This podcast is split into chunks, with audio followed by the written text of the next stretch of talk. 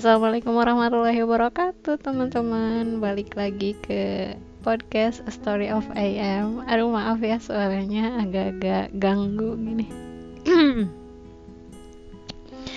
Ya, jadi uh, insya di podcast kali ini ingin ngebahas sesuatu hal yang lebih santai lagi daripada yang kemarin jadi beberapa hari lalu aku menemukan postingan lamaku. Ya ketika dulu aku mau masuk ke SMK ke STM gitu. Ya postingan-postingan lama ya biasalah tiba-tiba muncul gitu di di Facebook. Karena dulu tuh setahu aku belum rame Instagram dan belum rame HP Android gitu jadi ya aku menemukannya di Facebook itu kalau misalnya yang uh, waktu awal-awal bukan awal-awal pas mau masuk STM tuh ya nemu-nemu ya status lah apalah. Seingatku sih status karena dulu tuh susah banget mau ngirim gambar. Ya aku nggak punya gambar di masa-masa pertama-pertama masuk STM di Facebookku jadi gak ada reminder kayak uh, anda memiliki kenangan atau apa gitu gak ada. Ya, ya jadi cuman status doang. Ketika itu mau apply ke STM Bismillah gitu ya. Dan ya kalau keterima Alhamdulillah. Nah dengan ketemunya kenangan itu gitu di Facebook akhirnya jadi kayak ngebuka memori-memori lama yang ada di otak gitu ya, ya apalagi lagi berkait pasti berkaitan sama hmm, sama STM gitu. Nah kalau sebenarnya ingin ingin mulai dulu dari stereotip STM itu sendiri gitu ya. Mungkin ya kayak kita ngelihat di media STM itu citranya kayak gimana sih gitu? Kayak kayak barbar terus sometimes suka ada uh, apa namanya? Tawuran-tawuran gitu gitu ya antar STM karena rebutan cewek atau apa gitu kocak banget. Ini nggak mengadi-ngadi gitu ya. Ini beneran ada di berita pernah ada di berita gitu. Dan mungkin masih segar dalam ingatan gitu setahun bukan mah bahkan belum setahun lalu ya. Ya jadi akhir tahun kemarin gitu ketika ketika waktu itu ya mahasiswa pada demo gara-gara uh, apa? Gara-gara RUU kalau nggak salah. Mereka mau nges mau ngesahin RUU yang menurut pendapat mereka itu ngaco gitu dan mengadi-ngadi. Ya tadinya tuh mahasiswa doang tuh yang turun eh anak STM ikutan gitu ya. Kak saya baru pulang PKL maaf baru gabung. Kocak banget. Ya itu ya mungkin uh, apa ya? Ya jadi itu itu jadi jokes tersendiri gitu buat buat anak STM ya walaupun kagak tahu sih itu STM-nya STM mana gitu ya. Tapi ya ada hal yang berbeda gitu ya yang aku, ingin aku sampaikan sebagai point of view aku sebagai anak STM dan ya mungkin di sini teman-teman juga pernah mengalami ini gitu ya. Apalagi yang STM-nya sama seperti ya sealma mater sama aku gitu ya. Ya berarti pernah ngalamin banyak hal kocak yang terjadi. Ya mungkin bukan anak STM doang sih anak SMA juga. Tapi ya nggak tahu kenapa kalau ini tuh ya beda aja gitu. Ya karena sekolah aku sih jadi beda gitu. Ya jadi inget banget waktu di STM itu uh, banyak banget akronim gitu dari STM itu sendiri gitu. Ya untuk STM mantan sekolahku gitu bukan STM yang lain. Tapi STM lain juga kayak gitu ya kagak tahu juga ya. Ini mah nyeritain STM aku aja.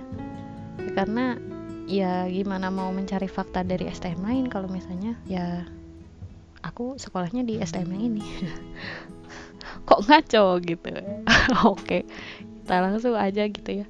Yang pertama mungkin dari segi kedisiplinan kali ya. Jadi eh, STM itu ada satu akronim gitu. Bahwa STM itu sekolah tapi militer.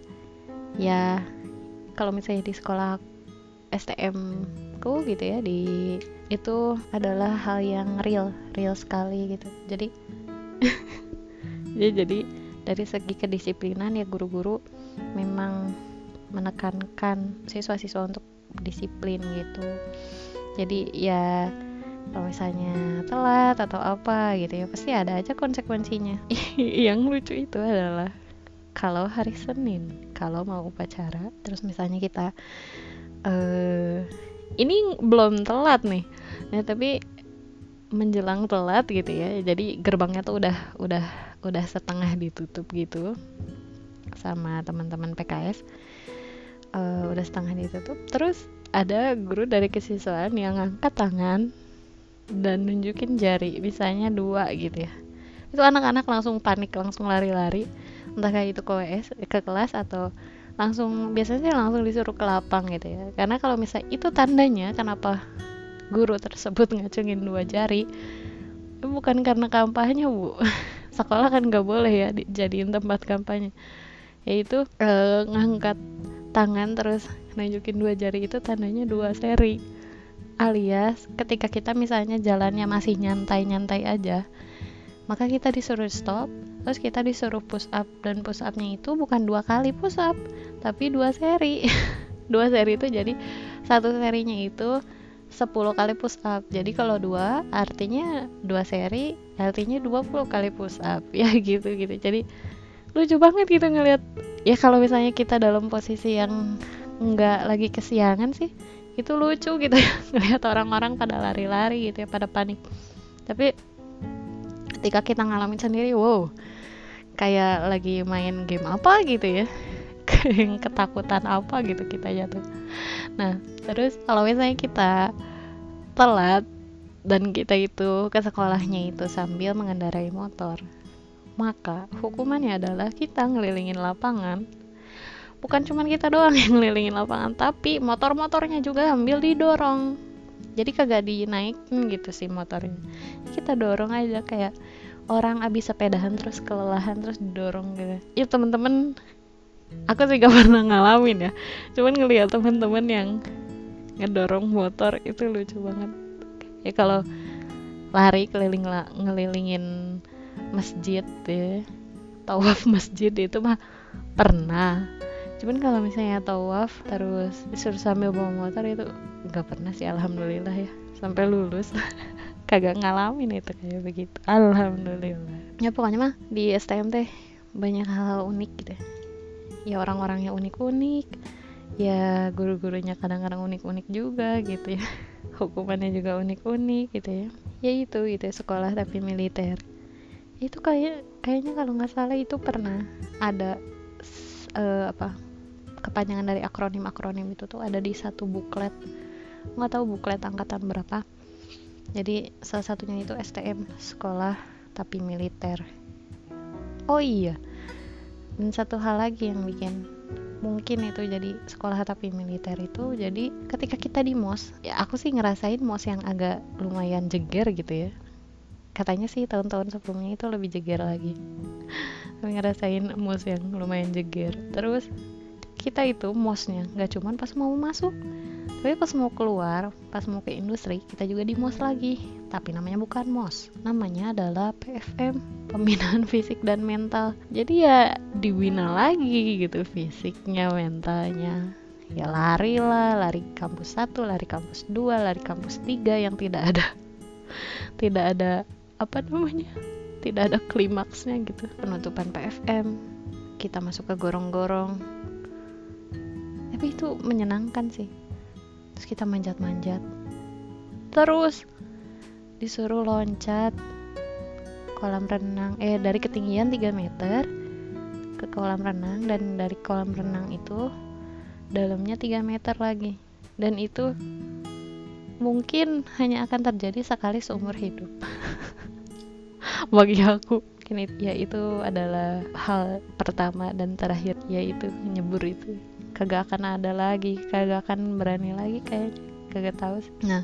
Terus STM ku itu empat tahun sekolahnya. Jadi ketika sekarang ada rumor-rumor bahwa SMK itu bakalan 4 tahun kayak gitu first time. Seriously.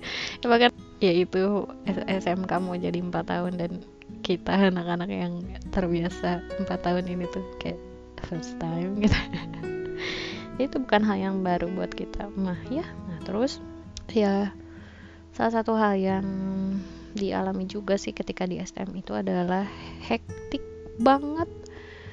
Jadi kayak tugas organisasi acara-acara jurusan dan lain-lain sebagainya tuh kayak wow gitu. Sangat-sangat meribetkan. Bukan meribetkan sangat-sangat kompleks sangat-sangat banyak gitu. Kadang-kadang ya tugas tugasnya teh project bikin alat gitu ya misalnya. Jadi jurusan aku dulu tuh pasti setiap semester bikin alat. Minimal mungkin tiga alat untuk tiga mata pelajaran gitu. Dan itu semuanya masya Allah gitu. Ingat banget dulu uh, nangis gara-gara alatnya gagal. Bukan gagal eh, iya gagal ya jadi alatnya itu tidak berfungsi dengan baik gitu. Ya jadi pas kedua kalinya nyoba terus gagal kagak keluar suaranya. I, itu ampli kalau ampli mono. Iya ampli mono gitu. Itu kedua masih belum keluar suaranya.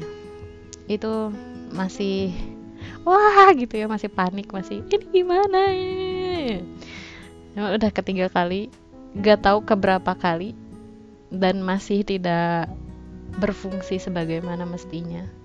Cuman dia terus nangis gitu. Ya jadi itu sangat-sangat mengerikan kalau misalnya dibayangin lagi gitu. ya, jadi kalau misalnya perempuan masih bacewa ya mah itu mah nggak gimana-gimana gitu. Cuman kalau perempuan udah diem terus nangis. Itu tuh udah udah level horor yang luar biasa gitu. Ya gitu itu juga ketika itu ya diem. Liatin terus nangis. Bodoh banget kalau diinget-inget. Bukan yang dibenerin ya. Terus belum lagi ya tuh ya di organisasi gitu ya. Kadang-kadang di organisasi juga yang namanya kita berorganisasi pasti berhubungan sama manusia. Dan manusia itu kan nggak selamanya menyenangkan gitu ya. Pasti ada sisi nyebelinnya. Dan itu kalau udah pada nyebelin tuh wah masya Allah gitu ya. Suka ya Allah kenapa sih? gitu.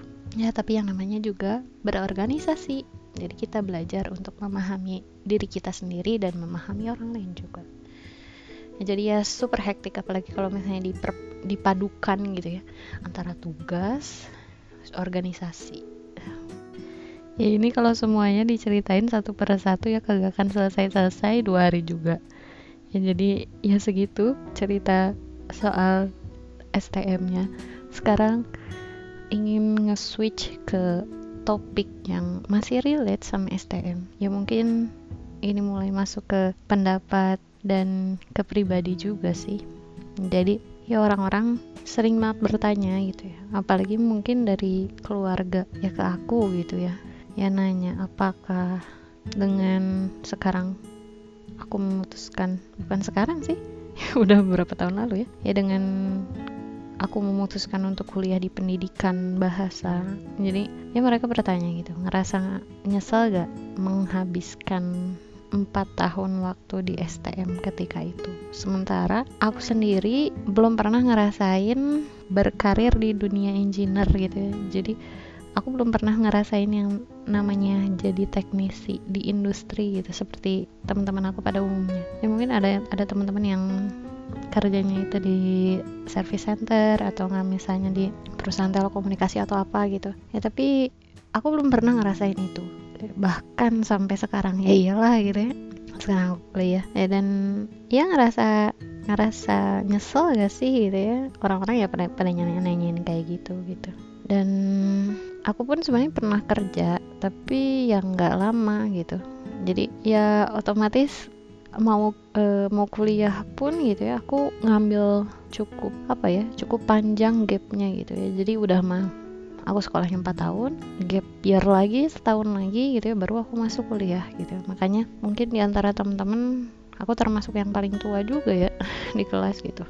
Ya kalau bisa misalnya kilas balik ke belakang gitu. Sempet EAD gitu ada keinginan. Kalau misalnya teteh kerja di salah satu perusahaan HP itu gitu ya mungkin ketika ketika perusahaan itu ngebrand produk baru mungkin teteh akan jadi orang pertama yang megang gitu ya ya dan aku pun dulu berpikirnya kayak gitu gitu. Konvensional sekali gitu. Jadi mikirnya ya kalau misalnya udah lulus ya mau kerja ya kerja di mana? Di ya di jadi ser tempat service center kayak atau kayak di kantoran kayak atau di mana gitu. Tapi kalau ada ruahnya seperti ini gitu ya.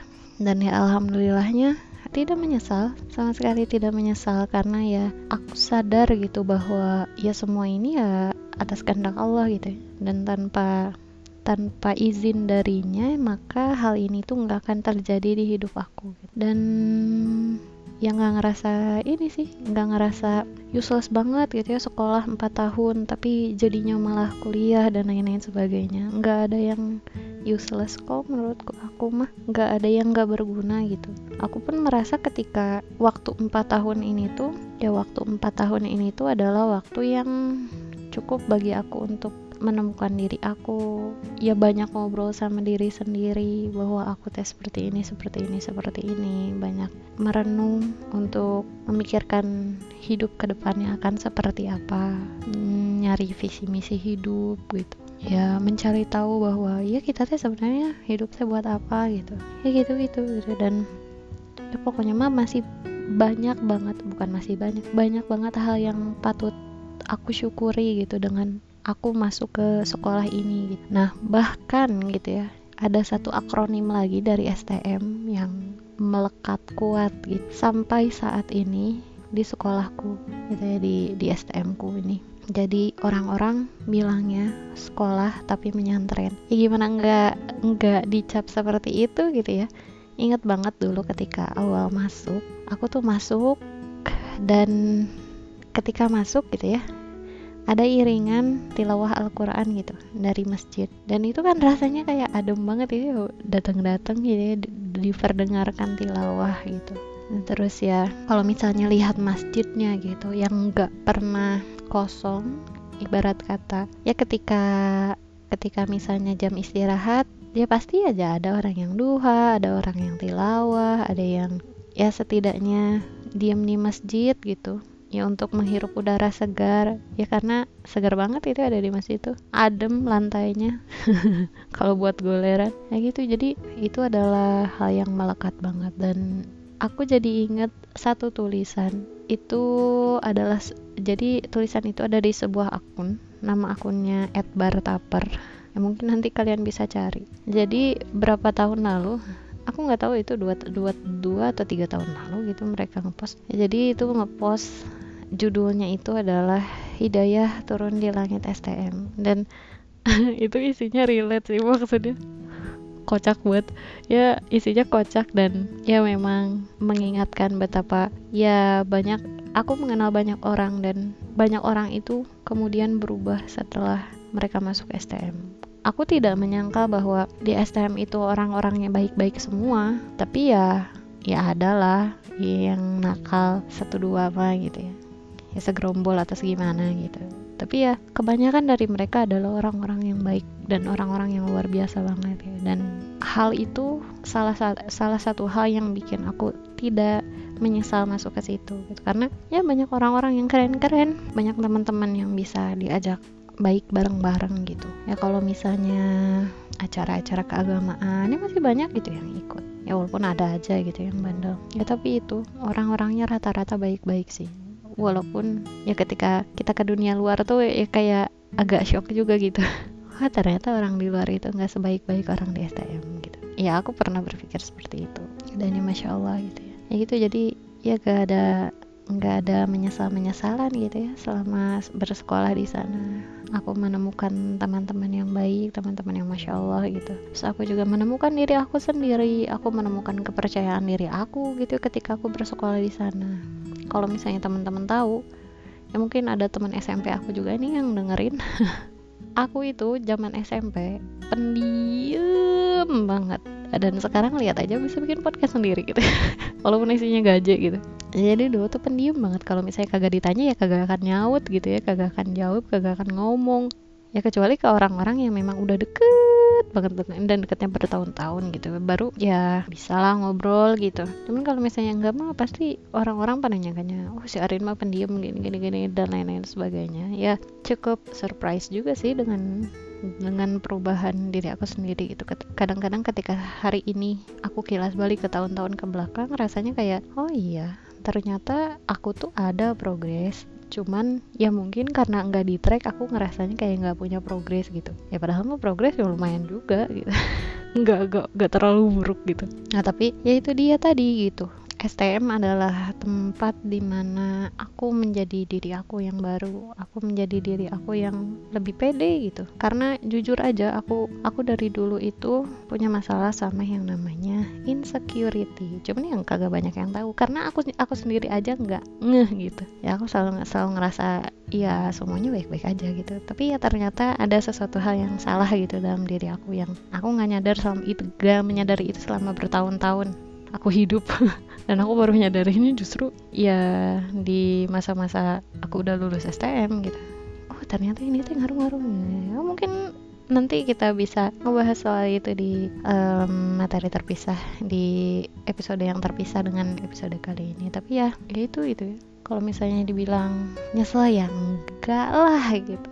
Aku menemukan banyak hal yang mungkin tidak akan aku temukan ketika aku bersekolah di tempat lain. Ya jadi ya bersyukur banget gitu ya. Jadi aduh jadi emosional ya ya gitu jadi ya mungkin teman-teman tahu gitu ya pressure-nya ketika ditanyain kenapa kayak gini gini gini gini? Gitu ya. Kita selalu ditanya-tanya atas pilihan pilihan pilihan hidup kita yang mungkin orang lain menyangkanya. Itu adalah sesuatu hal yang bodoh sih itu sesuatu hal yang salah dan lain-lain sebagainya. Padahal kan ya sebenarnya yang bertanggung jawab atas pilihan kita tuh ya kita sendiri gitu. Dan ya aku pun dulu sempat kayak ngerasa pertanyaan-pertanyaan itu adalah sebuah pressure gitu. Ya sama ketika sekarang sering ditanyain kapan nikah gitu ya. Ya jadi dulu aku menganggap itu pertanyaan itu adalah sebuah pressure tapi ya aku selalu menanggapinya dengan santai sih. Maksudnya ya udah gitu. Mau gimana lagi orang udah begini gitu ya. Dan ya alhamdulillah ketika ketika aku semakin belajar banyak hal maka ya aku menganggap bahwa segala, segala hal itu yang gak ada yang nggak berarti gitu ya. Setiap perjalanan hidup kita ya pasti kita bisa ambil hikmahnya. Ketika kita bisa ngambil hikmahnya pasti nggak akan ada yang sia-sia kok. Ya pasti ada aja sesuatu hal yang bisa kita ambil dari perjalanan hidup kita yang fana dan singkat ini. Apa sih? Ya gitu teman-teman. Jadi ya mohon maaf ya kalau rada-rada belepotan nih di podcast kali ini. Ya podcast kemarin juga belepotan nih ya gitu. Tapi ya semoga teman-teman bisa mengambil manfaat dari podcast kali ini. Jadi apa pun yang terjadi di hidupnya teman-teman. Jangan sampai ngerasa bahwa hal itu tuh kayak tanpa arti gitu ya. Karena Allah mah nggak mungkin kayak gitu sama umatnya. Kalau Allah itu merencanakan sesuatu buat umatnya buat hambanya gitu ya ya pasti ada sesuatu hal yang ingin Allah sampaikan di sana gitu ya di kejadian-kejadian di hidup teman-teman atau enggak di keputusan-keputusan yang teman-teman ambil di atas pertimbangan. Ya teman-teman juga minta pertimbangan Allah juga gitu ya dengan istikharah dan lain-lain sebagainya. Ya pasti ada hikmahnya lah. Ya termasuk kalau misalnya teman-teman masih jomblo sampai saat ini itu juga pasti ada hikmahnya. Tenang teman-teman. Saya juga. Ya gitu teman-teman. Aduh capek. Tenggorokanku kering. Ya jadi sampai sini aja podcast untuk kali ini. Tetap semangat tetap bersyukur atas segala macam yang Allah kasih ke teman-teman sekecil apa pun itu. Oke okay, sekian podcast kali ini. Insya Allah kita ketemu di podcast selanjutnya. Assalamualaikum warahmatullahi wabarakatuh. thank you